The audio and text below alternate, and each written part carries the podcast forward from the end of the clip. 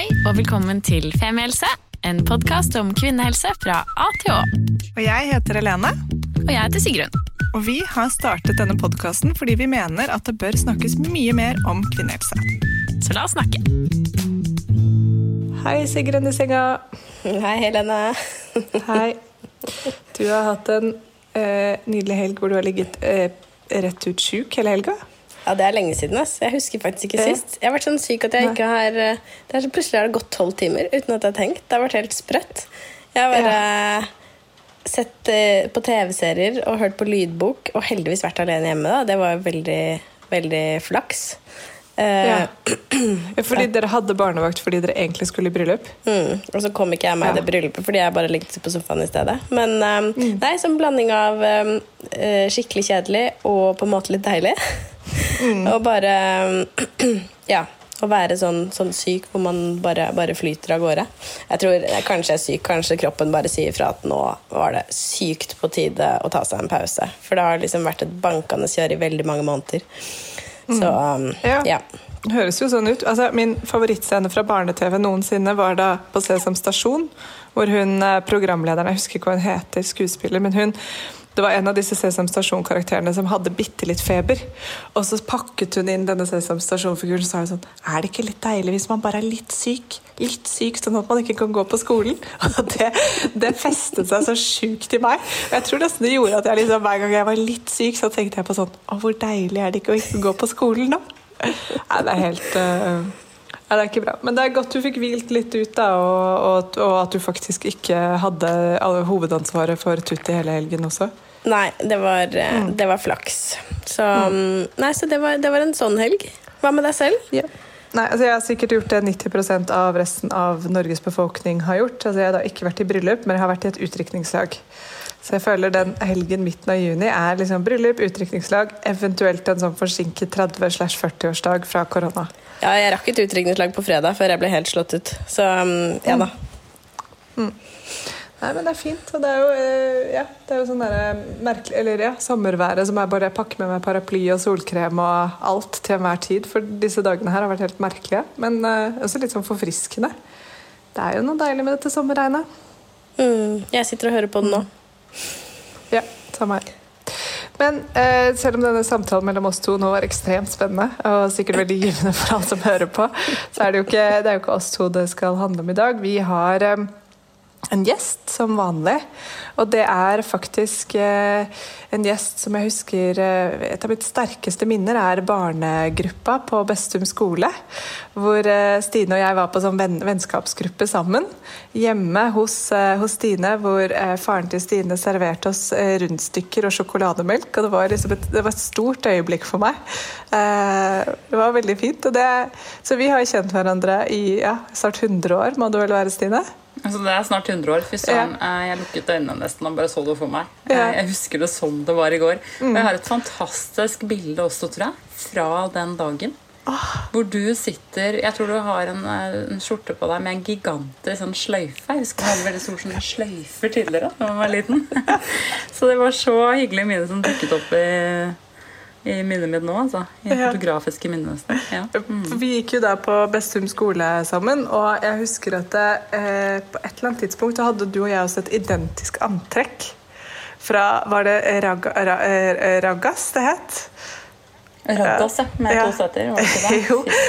Ja, Det og, var det, tider. og det var ikke flaut, det var nemlig det som var Det var kult Det var kult når to, altså man hadde identisk antrekk som en annen i klassen. Det var bare sånn, yes, Og da var det sånn Det var lik bukse og lik genser, så det var ikke, sånn, det var ikke en onepiece eller en kjole. Det var sånn Alt var helt likt.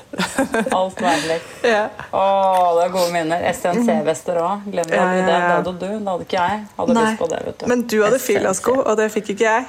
Det stemmer, Helene. Så det, det, det, det veide seg. Jeg husker, jeg husker så godt en gang vi skulle inn i heim...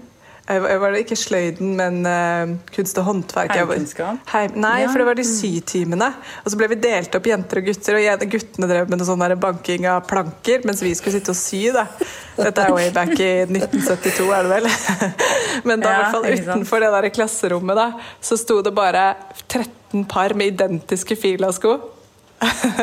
Det stemmer. Ja. Og de var så fine. Ja, de var så fine. Altså, jeg de var så søte.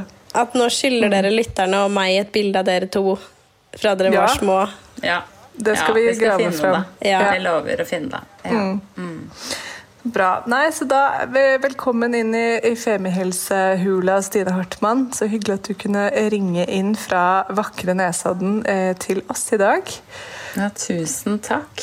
Eh, for eh, Jeg tipper at de fleste som hører på, vet veldig godt hvem du er, men kanskje du kan gi en kort introduksjon av deg selv? Det kan jeg. Eh, Jeg heter da Stine, bor på Nesodden, som du sa, Helene. Denne vakre halvøya eh, like utenfor Oslo.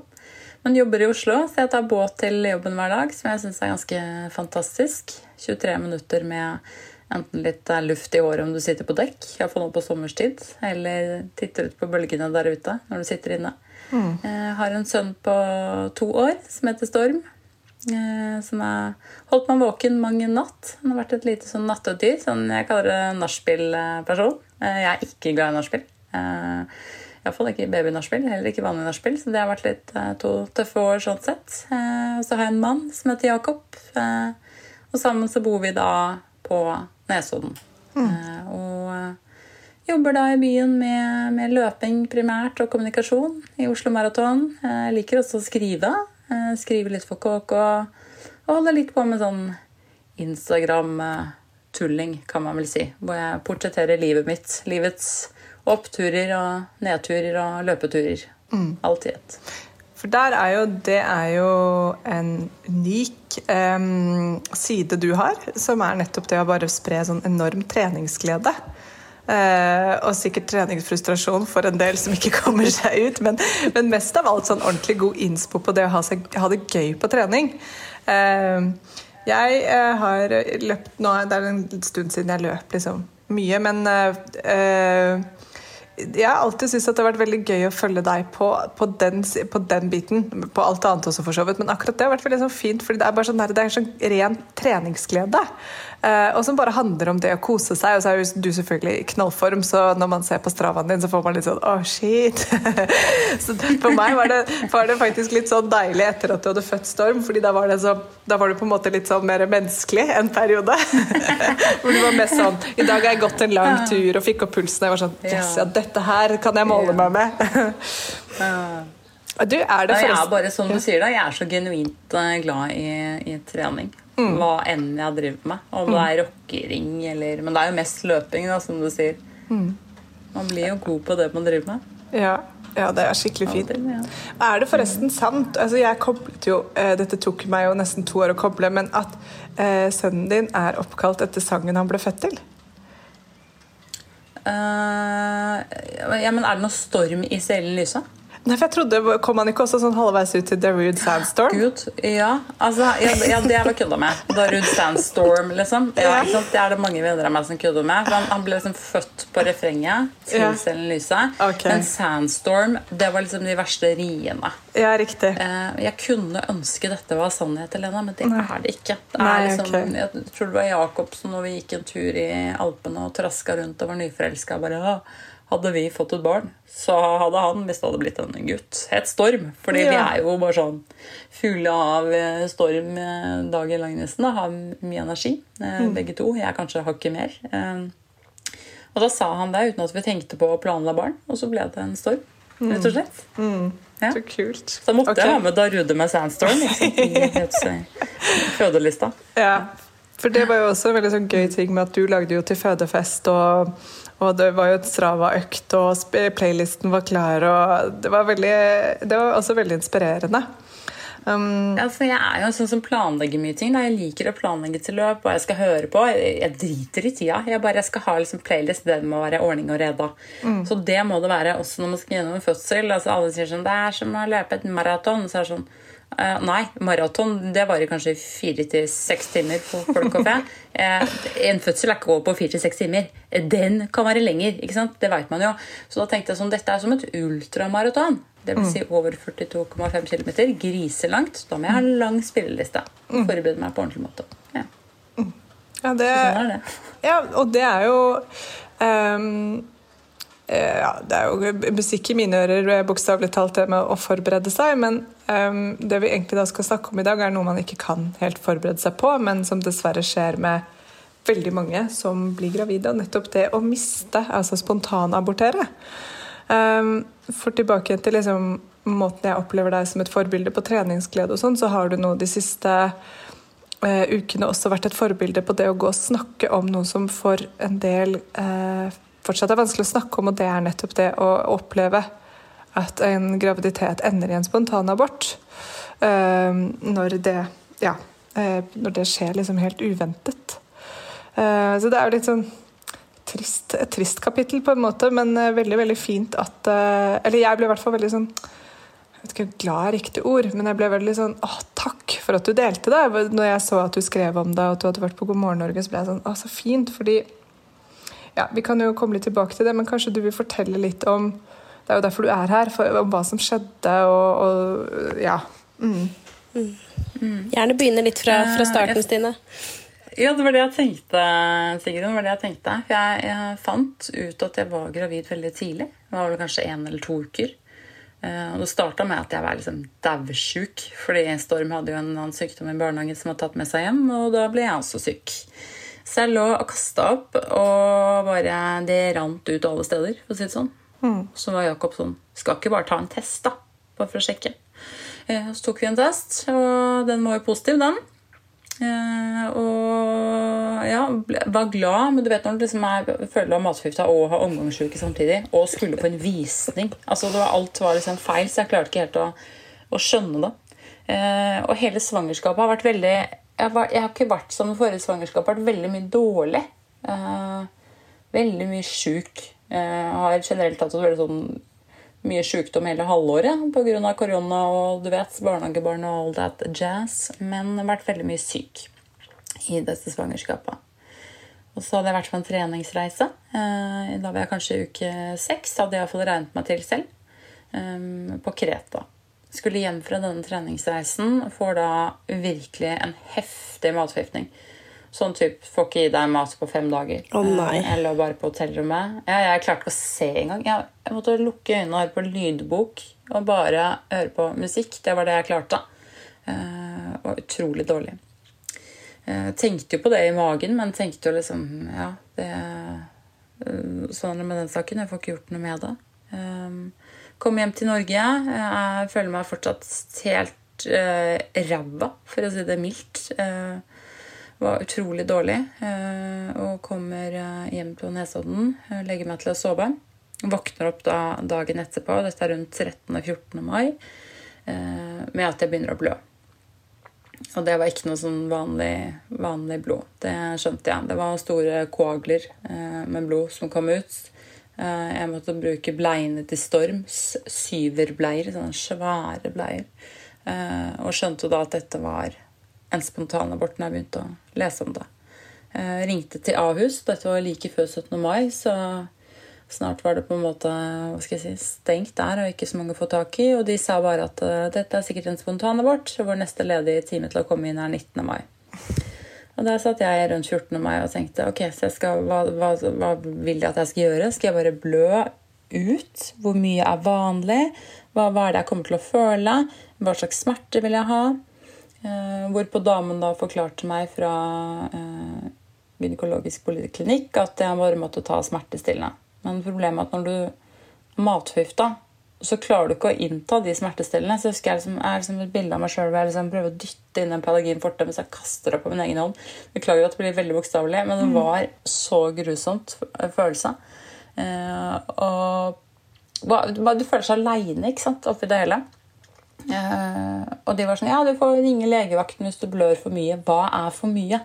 Ja. Ingen sier til deg hvor mye blod, blod, du faktisk skal få ut. Da. Hvordan skal man vite det? Uh, jeg var jo Nei, ikke sant, det er jo akkurat det. Og kanskje da skal man ta den ekstra telefonen til legevakten. Uh, men heldigvis så hadde jeg en nabo.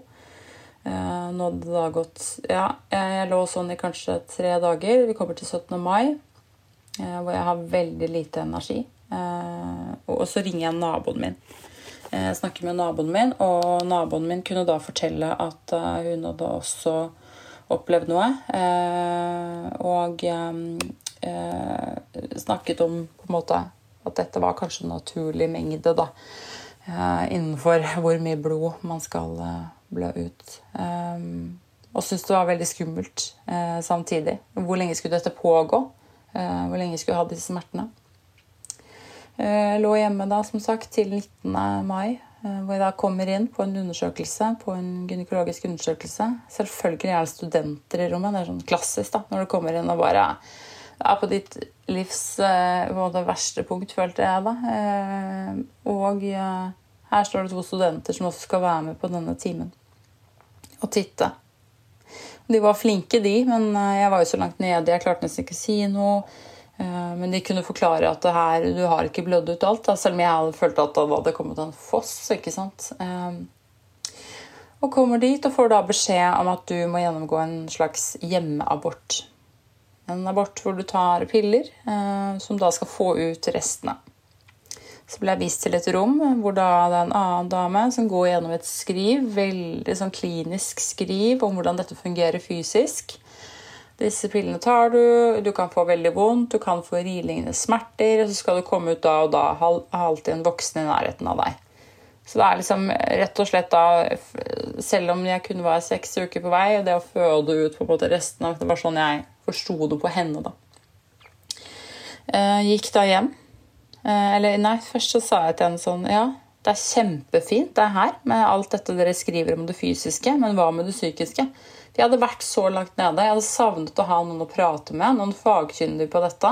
Jeg hadde ikke vært hos fastlegen min, hadde ikke vært hos noen jordmor ettersom jeg var så kort. Eh, og savnet da at Ahus hadde et hjelpemiddel til meg, noen jeg kunne kontakte. Nå skal jeg hylgråte. bare, hvor er det, Hva er det jeg kan gjøre nå? Hvorfor er det ikke noe informasjon om det her? Og da husker jeg bare, bare vent litt, bare vent litt, skal bare gå og hente noe. Så kom hun tilbake da med et visittkort fra Amathea. Mm. Eh, som for øvrig var et ganske gammelt visittkort. Men jeg snakket med Amathea i etterkant. Eh, de har sendt noen nye, men eh, ja, du vet. Oppfølgingen eh, Man snakker kanskje ikke alltid sammen helt der. Alle, alle de ulike helsepersonellet. Ehm, så jeg fikk dette gamle visittkortet fra Mathea. Eh, river det med meg eh, og drar hjem. Og prøver da å gjennomgå denne hjemmeaborten med piller, som ikke funker. Jeg ringer Amathea samtidig, husker jeg, som jeg har tatt de pillene. For jeg er sånn, jeg må bare vite ting. og Kjempehyggelig dame eh, som hadde heldigvis muligheten til å prate. og jeg fikk liksom lettet på trykket av hva jeg følte rundt alle de dagene hvor du var i en sånn, du er i vakuum. ikke sant? Du vet ikke hvem du skal prate med. Og endelig hadde jeg noen å kunne bare si noen ord til og, og lette på trykket med. og ja, Som kunne kanskje bare spille litt ball med. Jeg hadde jo Jakob, men det er det å snakke med noen som kanskje har vært gjennom det før. Som kjenner til det. Hun var da jordmor, kunne snakke litt om forløpet. Hva slags følelser hun har alt dette. Eh, så det opplevde jeg som veldig fint og, og støttende eh, i den eh, perioden. Men jeg måtte jo da tilbake til Ahus, siden jeg ikke hadde fått ut alt blodet, for en ny runde med piller. Ja, For du fortsatte med, det fortsatte bare å blø? Jeg fortsatte. Ja, så du fortsatte. Jeg gikk altså med liksom bare bleier og Palgin forte i, i liksom sekken min og i veska mi. For jeg visste aldri når det ville komme smerter. Når det aldri, aldri ville komme liksom disse koaglene. da, Nei. Som er så store at liksom bare, jeg må bytte bleie eller bind så fort. Mm. Um, og syntes det var veldig sånn, ekkelt å gå med det her. Jeg drar tilbake dit 24. mai.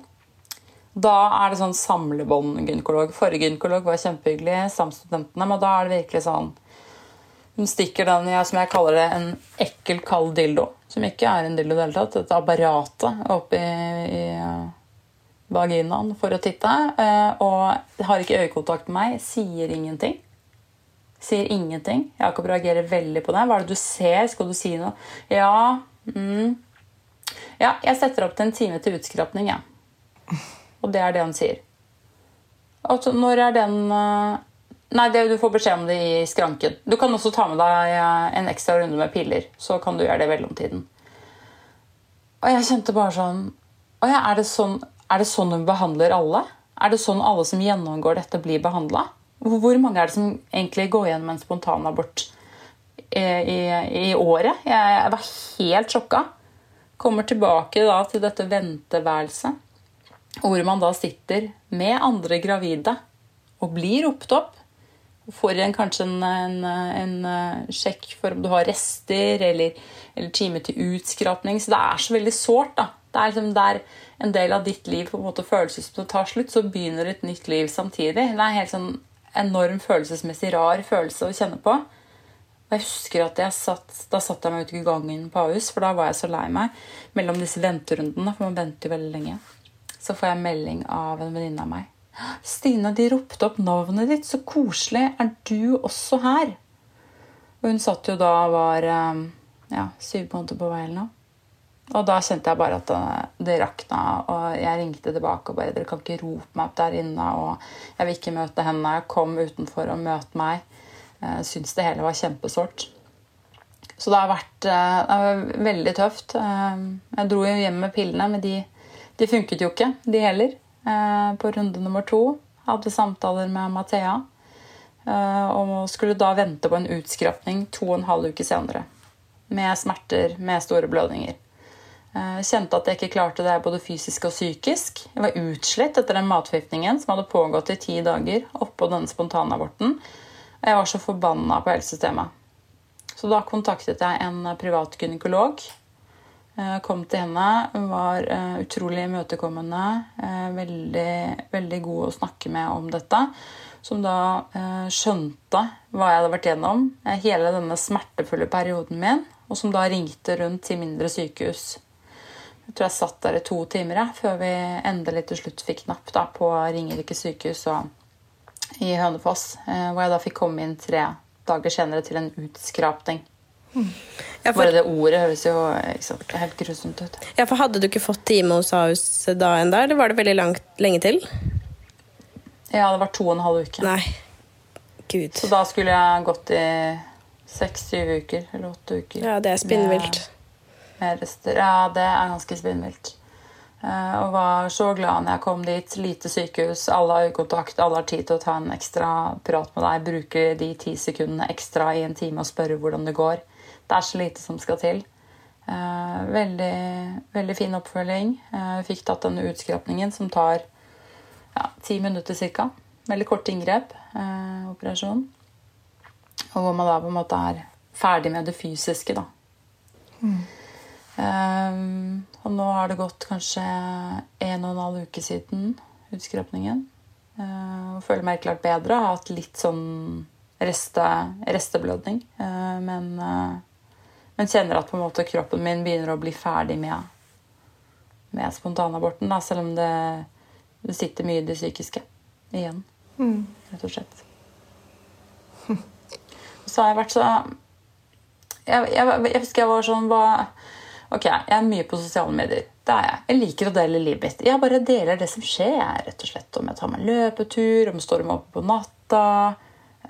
Jeg bare kaster ut livet mitt. Så når jeg ikke har vist tegn til altså livstegn på ti dager, da popper det opp sånne meldinger. ikke sant? Da er det sånn, Hva skjer nå? Hva er det, Går det bra med deg? Uh, vi har ikke hørt noe fra deg. Og da skjønte jeg på en måte at Ikke det at jeg føler jeg må dele noe med alle disse, ja, de folka som følger meg, men at jeg, jeg ønsket å gjøre det fordi jeg sjøl følte meg så aleine. Så jeg var litt sånn, det må jo være andre som sitter og føler på den følelsen her, om å være så aleine med en spontanabort. Og det var det jo, når jeg først la ut. og Det var liksom mange venner og bekjente som fortalte meg historier som de aldri snakket om. Eh, tusenvis av kvinner som har gått gjennom dette, og som også setter spørsmålstegn ved denne oppfølgingen. Som har vært ganske fraværende eller sprikende. Jeg tror jeg kanskje har fått én ja, melding av 1000 som sier at de har fått bra oppfølging etter en uh, spontanabort, missed abortion. Eh, og det gjorde meg så sint. Så da kom jeg en sånn kamp Eh, brukte på en måte den frustrasjonen og sorgen også til å ville kjempe for andre kvinner som går gjennom dette. Jeg mener at det, det må kunne være en automatikk i å si, bruke ti sekunder ekstra på å fortelle vet du hva, Enten så kan du ta kontakt med fastlegen din nå, med, med jordmoren, eller ringe Amathea. Eh, Det er jo ikke sikkert, i hvert fall opplever jeg, da, at man alltid får så rask kontakt med fastlegen sin. Det kan være ventetid og sånne ting. Så for meg var det mye lettere. Det var mye lettere å ringe Mathea. terskelen var så lav da, for å bare ringe et nummer istedenfor å sitte og vente på en tid om å komme inn til en jordmor eller eh, en fastlege.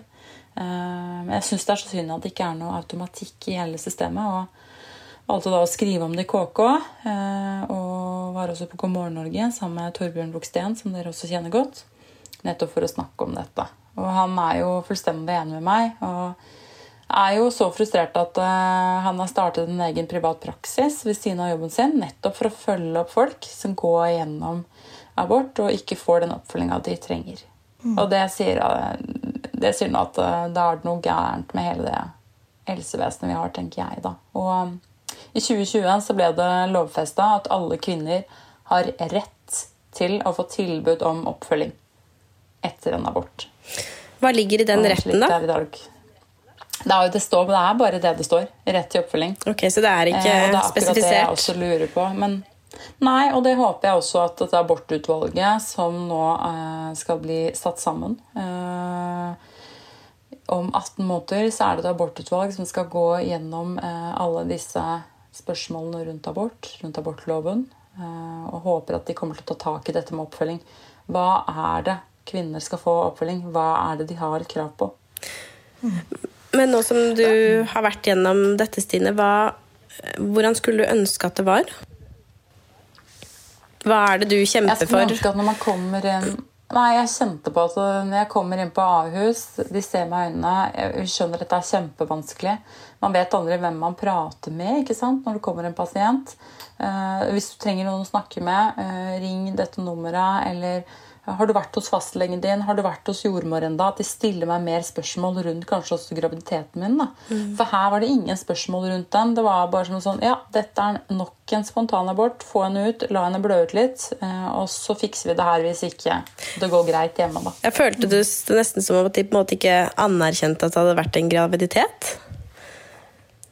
Ja, det gjorde jeg. Ikke første gangen. Da var det en veldig hyggelig gynekolog som hadde forståelse. Eh, men gang nummer to så var det en sånn samlebånd. Her er det nok en kneoperasjon, da. Eh, mm. Men så er det funny ting. Du får jo dritbra oppfølging etter en kneoperasjon. Eh, så det funker jo ikke helt på den måten. Så jeg savner de ti sekundene ekstra bare ta litt vare på kvinnen idet hun er i rommet. Mm. Spør hva hun trenger. Det er ikke sikkert at hun trenger noe.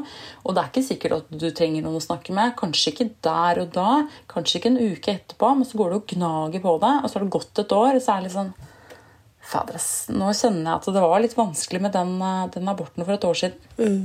Men, og nå trenger jeg noen å snakke med. Og det å da kanskje ha det visittkortet til Amathea i lommeboka, eller komme på at du kan ringe legen din og jordmoren din, som en automatikk i det, hadde vært så fint. Og at det f.eks. henger flere brosjyrer rundt om om f.eks. Eh, det å abortere. Da. Det har jeg ikke sett noen steder på, på Ahus ennå. Kanskje det har fått opp nå. Hvem vet. Eh, men jeg vet at det er flere sykehus som har fulgt med på saken, og som har gjort endringer. De har gjort endringer i dette skrivet, medisinske skrivet, eh, hvor de har eh, tatt på en setning Eh, hvor de har snakket om dette med psykisk oppfølging. Enten kontakte Mathea, lege eller, eller jordmor. Mm. Um, og det, det, var jo det jeg ville oppnå. ikke sant? At det skjer endringer i systemet. Mm. At faktisk uh, at kvinner får tilbud om den oppfølginga. For som uh, man også ser Jeg tror det var en dokumentar, en veldig fin dokumentar på NRK TV. Ja, mm, på nett-TV som heter 'Drømmen om et barn'.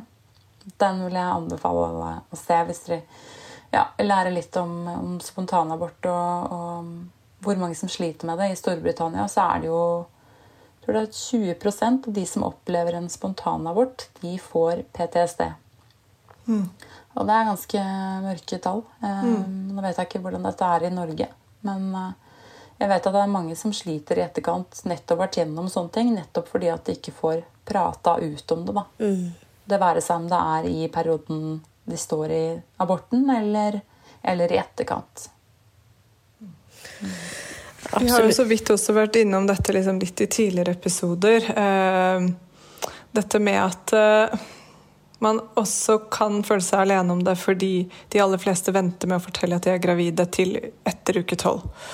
Uh, og det skjønner jeg jo veldig godt, for man vil være litt sikker på at det går bra. Men baksiden av den, den, sikkerheten er jo også at eh, mange kan føle seg veldig alene når man går igjennom en spontanabort. Og så opplever jo da de som går ut med det og snakker om det, at shit, så vanlig det er. Og det er jo ekstremt vanlig. Det er dessverre det er kroppens liksom det er sånn det er, det er naturen, ikke sant. Og det er én av fire graviditeter ender i en spontanabort. Men veldig ofte så tidlig at kanskje ikke kvinnen engang selv opplever eller har merket at hun var gravid. Men Så den derre jeg har ikke noe, sånn, jeg har ikke noe, noe sånn oppfordring til å snakke om det før det har gått tolv uker. eller noe sånt, Det er ikke det. Men det, er, det, er, da helsevesenet kunne kommet inn og hatt en veldig gyllen rolle til å ta vare på. fordi det er også så hemmelig. For hvis det var sånn at alle liksom idet de fikk en positiv graviditetstest, bare ut på Facebook ringte rundt til alle og bare 'Nå er den positiv!' Eh, det er selvfølgelig 25 sjanse for at dette ikke går, men den er positiv nå! At det var sånn, at alle liksom sto sammen om også de første tolv ukene med usikkerhet. og liksom håper dette går-følelsen, uh, så, så, hadde kanskje behovet vært litt annerledes, for da hadde du hatt en gjeng rundt deg når det ikke gikk, kanskje. Men nå har man ikke det. da. De aller fleste har liksom ikke sagt det til så mange. Og det første man skal gjøre, er å plukke opp telefonen og si du jeg har opplevd en spontanabort. Det er ganske tøft også. Så det der med at det er helsepersonell som møter deg på en måte hvor de bare nettopp sier de ti sekundene, enten ved å gi deg nummeret til Amathea eller si hvordan går det? Har du lyst til å snakke litt om det? liksom? Hva, hvordan opplevde du at dette skjedde med deg?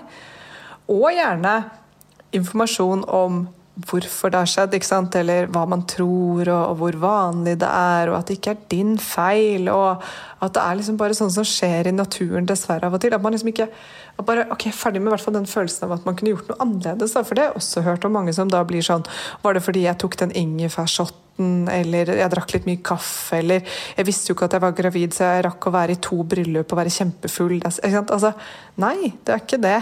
Det er kroppen altså, Det er bare sånn som skjer, dessverre. Mm. Og det var jo også noe jeg tenkte på, Lena, siden jeg var jo matforgifta. Mm. Eh, men fikk da beskjed på den ultralyden at fosteret hadde sluttet å leve eh, rundt fire-fem uker. Eh, selv om jeg trodde jeg var seks-syv uker når jeg kom på undersøkelse. Ja. så da hadde den jo på en måte sluttet å leve før jeg fikk matforgiftning. som også var en slags lettelse, for du tenker sånn Fy fader, er det jeg som har gjort det her? Mm. Er det jeg som har forårsaket det her? Siden det var så intenst. Mm. Um, så det var på en måte også litt godt oppi den vonde følelsen. Um, mm. Og så tenker jeg også mye på dette med den tolvukersregelen den er så vond i nettopp sånne situasjoner. ikke sant? At man ikke har noen å lene seg på. Du har ingen som du på en måte tør å snakke med deg om. Og det å komme tilbake altså Det verste er jo da å komme tilbake på jobb. Det har jeg tenkt på for ganske mange. Å plutselig bare ja, skru på det smilet. da. Og hvor lang sykemelding skal du ta? ikke sant? Skal du ha sykemelding i det hele tatt? Det står jo, De fleste sier sånn nei, som regel så trenger man ikke så lang sykemelding. Uh, nei, ok. Nei, Hvem da? Står det fysiske ikke... deg eller psykiske deg? Jeg forstår det ikke mm. ofte at de fleste trenger ikke sykemelding i det hele tatt? Jo, det gjør det. Det er kun på, kun på utskrapning. For det kan være så heftig for kroppen, for du har vært i narkose uh, og kan ikke kjøre bil, er på sterke medisiner, sånne type ting. Eh, men det, det, er helt sant. Du trenger eh, De fleste trenger ikke noe sykemelding. Eh, og jeg mener jo at her må man på en måte bli enig med legen sin, velge selv. Noen er jo ikke i stand til å velge selv heller. Det er det som også kanskje er vanskelig. Da, at legen kanskje skal gi deg iallfall tre dager, eller se på deg, snakke med deg, ta deg imot og, og sammen finne ut hva er det vi kan gjøre for at du skal ha det best mulig. da. Mm. For jeg må jo si at jeg tenker på det nesten liksom litt nedlatende og på en måte ordlegge det sånn at de aller fleste trenger ikke en sykemelding. Fordi det kan godt hende at man ikke trenger det, men jeg tror jeg hadde kjent på at jeg ikke burde trenge det hvis det hadde vært meg. Eh, og at eh, det er noe som man liksom bare burde stå i og Ja, dette er helt vanlig, og svelg følelsen din og løp videre. At det er en litt sånn type retorikk da, som jeg kan skjønne at uh, gjør veldig vondt. Så um, at, at, man må diskutere hvorvidt man trenger sykemelding eller ei med legen sin, ja, strålende, kjempefint. Selvfølgelig må man det, for det er helt individuelt. Men uh, den retorikken syns jeg at burde endres i dag, for det er, uh, ja, det er ikke greit. Ja, og det, det, er liksom et sånt der, uh, Sigrid Bonde Tusvik har jo skrevet en del om liksom, sykemelding ved sorg og sykemelding ved skilsmisser. altså Alle disse tingene som er fortsatt liksom ikke helt sånn klassifisert. da. Men dette her er jo også en sorg, og det er en fysisk påkjenning. Så dette er sånn begge deler. Og, um, og nettopp det du sier, man går på kontoret og bare skrur på smilet når man har vært igjennom noe. Og jeg synes en ting som, som jeg har tenkt på, ikke sant, er den derre Seks uker, da. Så det er liksom sånn Å ja, da var du ikke så langt på vei. Så bare Seks uker! Hvis du har visst om det i fem av de seks ukene. Det er så lenge, det! Det er så mange dager og så mange netter, og det er fem helger hvor du har levd annerledes kanskje hvis du til vanligvis liksom liker å ta deg et glass vin. Det er liksom så mye du har endret på. Det er, det er lenge. Det der, hvis du skulle sagt ok, de som jeg, jeg, tenker alltid på sånn der, Alt du gjør liksom i fem-seks uker hver eneste dag og tenker på tusen ganger i løpet av en dag, det påvirker deg heftig. Altså, da rekker man å tenke litt sånn litt på å, jeg lurer på hvem det er, eller kjønn, eller termin, eller å ja, da kommer det til å være sånn vær ute, eller sånn, eller jeg lurer på altså, det er, Jeg vet at en del er gode på det bare skru av den der tanken og bare Jeg forholder meg ikke til dette før det har gått tolv uker og jeg liksom har fått NIPP-testen tilbake, eller alt ser bra ut på ultralyd, liksom. Men de aller fleste jeg kjenner, er ikke sånn. Det er et, sånn, et, et ganske sånn hemmelig tankekjør som går rundt den lille spiren i magen. da. Um, så ja. Nei, jeg syns en sykemelding burde i hvert fall vært på plass, bare for å hente seg litt inn og få lov til å sove litt og hvile litt. og bare, Ja, det er heftig. Mm. Og så selvfølgelig, hvis man er keen på bare å gå på jobb og kjøre på, gjør det.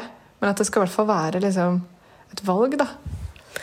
Men Stine, hvordan har det vært å være mamma oppi alt dette her? Det har vært sårt. Eh, fint og sårt på samme tid. Ehm, jeg skrev noe på Instagram i dag, faktisk. Fordi Storm får jo med seg ting. Han skjønner jo at mamma er sjuk.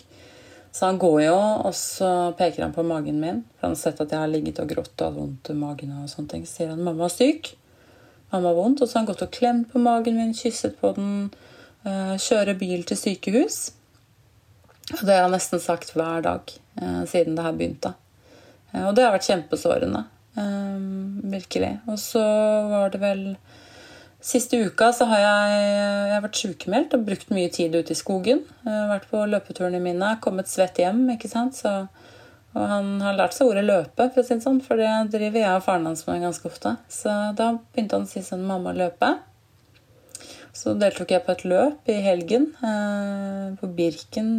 12 km stiløp. Eh, og da var jo Storm med. Vi kombinerte det med Lilleputthammer-tur og løpe, mamma løpe halvbirken. Og det var veldig koselig. Og da hadde han sagt 'heia mamma' kanskje to timer før jeg kom til Voll. Eller én time iallfall. Stått der. Eh, og sa da Jeg tror han hadde sagt 'heia mamma' siden lørdag. 'Heia mamma'.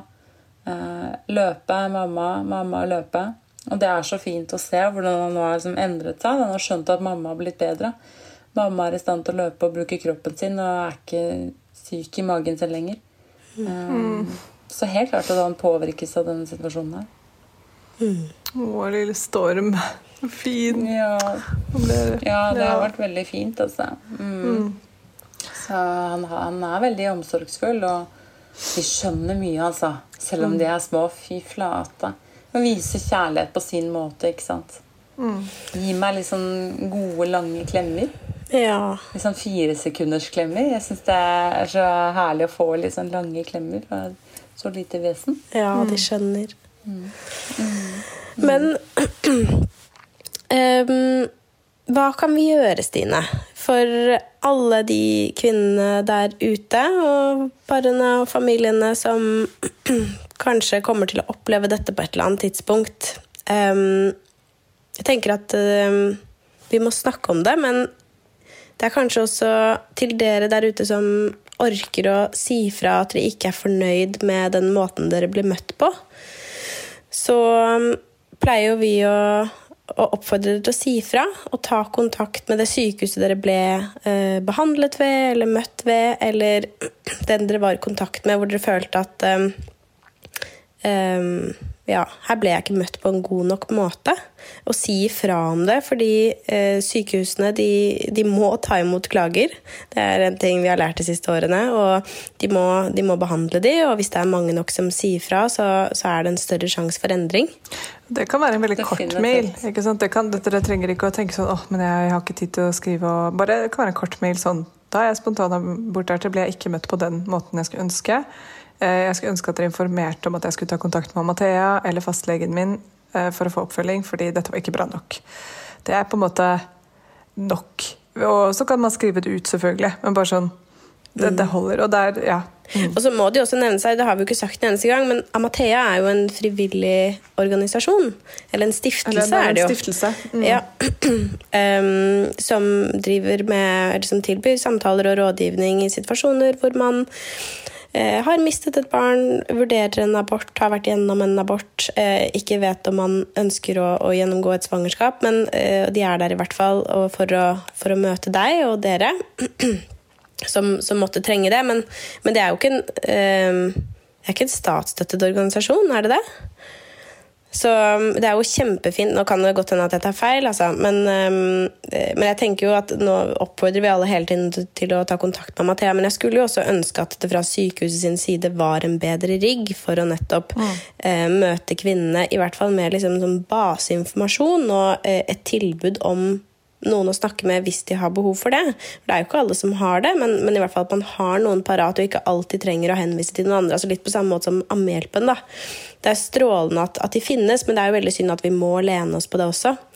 Så er det jo, jeg vet at det er mange fastleger som også har snakket litt rundt denne saken, og de eh, har vært veldig på at de er her for deg, vi er til stede. Ja. Eh, og du kan alltid booke en time hos fastlegen din. Eh, det inngår i svangerskapet. Eh, dessverre så var ikke jeg så heldig at jeg hadde Eh, min fastlege hun, var, hun, har vært i permisjon, så jeg har ikke blitt møtt med min fastlege som jeg kanskje ville snakket med da, om mm. dette.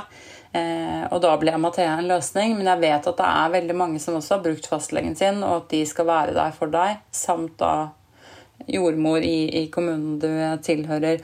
Og så håper jeg også at, uh, som du sier, Sigrun, hva kan vi på en måte gjøre for alle disse kvinnene? Uh, jeg meldte meg faktisk inn i en Facebook-gruppe jeg tror den heter 'Vi som har opplevd spontanabort', eller noe såpass enkelt. Uh, hvor det var en del kvinner der inne som jeg begynte å snakke med. Og en av de sender jeg faktisk melding til daglig nå. Vi har liksom fått en sånn daglig kontakt. Bare sånn 'Hvordan går det i dag? Hva er status i dag?' For sånne ting endrer seg så veldig. Så er det liksom ikke alle som har stått i akkurat det samme som meg. Da. Men hun hadde liksom utskrapt nissen samtidig.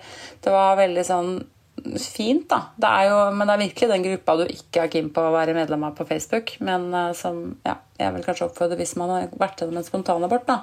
At man finner et lite, lite nettverk, uh, noen å prate med, uh, rett og slett. Som kanskje har gått gjennom det samme som deg. Mm.